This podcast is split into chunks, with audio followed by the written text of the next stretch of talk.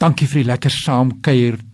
Dis program nommer 9 wat ons vandag gaan hanteer oor bewustheid. Ek hoop die programme het jou 'n bietjie beter insig gegee oor waaroor gestremdheid regtig gaan. Wie is mense met gestremthede? Dis 'n vraag wat ek nog vandag wil beantwoord van 'n luisteraar.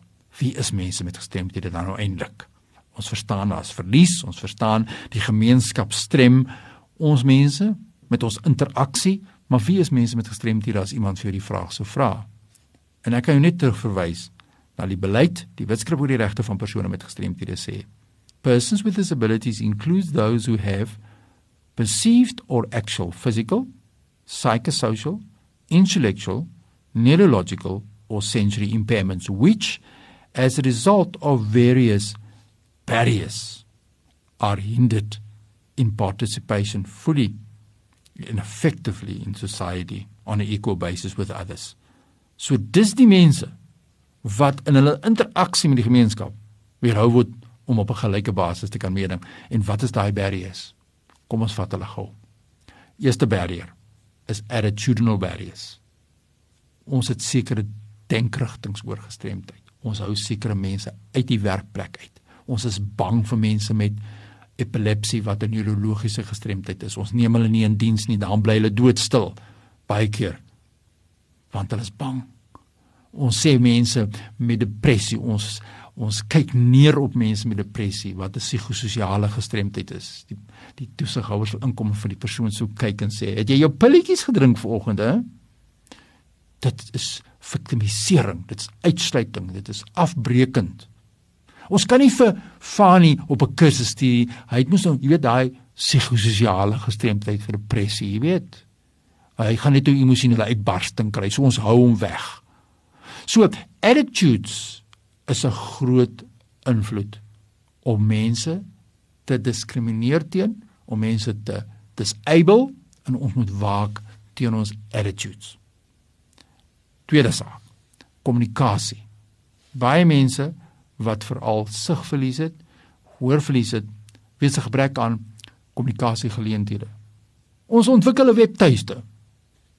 Ons dink nie daaraan iemand spel my gister en sê, "Maar Fanny, ek sien nou julle het 'n webtuiste daar ontwikkel by 'n plek waar ek betrokke ook is en daardie webtuiste is totaal ontoeganklik vir blindes." Want daar's bepaalde vereistes. So die blinde word disable omdat hy nie op die webtuiste kan gaan nie om in daai spesifieke webtuiste nie die basiese struktuur het om toegang te gee vir 'n blinde persoon nie. Ons is nie sensitief nie. Ons ons praat daaroor want ons gestremdes verstaan dit. Maar ons moet die sensitiwiteit ook uitbou na die breë gemeenskap en sê ek wil 'n webtuiste ontwikkel. Wat moet ek doen om blindes te akkommodeer? Wat moet ek doen om gehoor gestremdes te akkommodeer op my webtuiste? Is daar iets wat ek gedagte moet hou? Dan kan ek vir 'n persoon sê ja.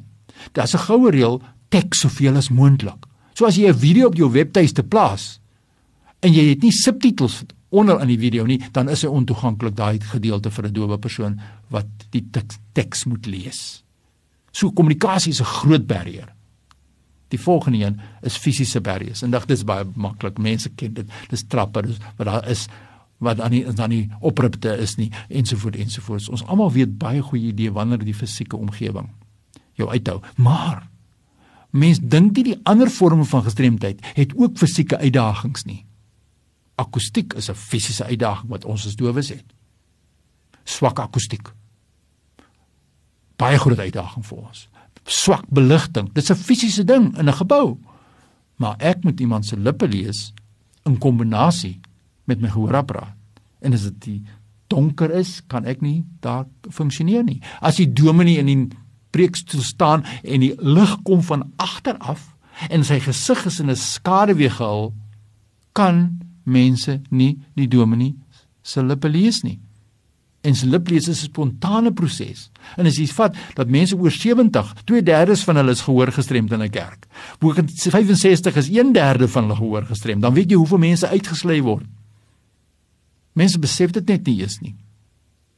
So fisiese uh uitdaging of barrier in die laaste een daarmee sluit ek af vandag in ons reeks inligting inligting wat nie beskikbaar is vir ons mense nie.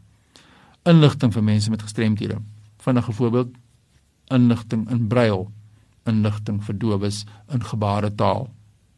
Maar nou druk ons 'n brosjure en ons versprei hom in die dowe gemeenskap waar die persoon se eerste taal gebaretaal is, tweede taal is miskien isiXhosa, derde taal is nog 'n ander taal en die vierde taal is Engels. Nou sien ons vir 'n brosjure oor HIV vigs en ons sê gaan lees daardie brosjure want dis wat jy moet doen met COVID-19 en is geskryf in pragtige Oxford English.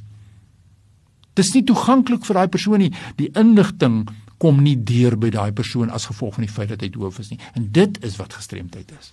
En as ons dit verstaan, dan kan ons die brûe bou sonder om vingers te wys, maar net 'n sensitiwiteit te skep. So as jy enige inligting benodig oor die inskakel van persone met gestremthede en jy wil meer weet, daar is opleidingsprogramme in elke veld van vorm van verlies en gestremdheid. Ek kan vir jou aanstuur na die regte maatskappye of instansies toe wat hierdie opleiding kan aanbied vir jou. Ek is self deel van so 'n program rondom gehoorverlies. Ons sal dit met graagte doen. Ons deel graag ons kundigheid met julle kom net na vore. Stuur daai e-pos nou fani.dt by mweb.co.za fani.dt by mweb.co.za of jy nou 'n beheer staan van 'n kerk of jy beheer staan van 'n huis vir bejaardes of van 'n skool of van 'n werkplek of net 'n ouer is of self 'n gestremde is, ons almal word geraak en ons almal moet net meer met mekaar gesels. Groetens tot volgende keer.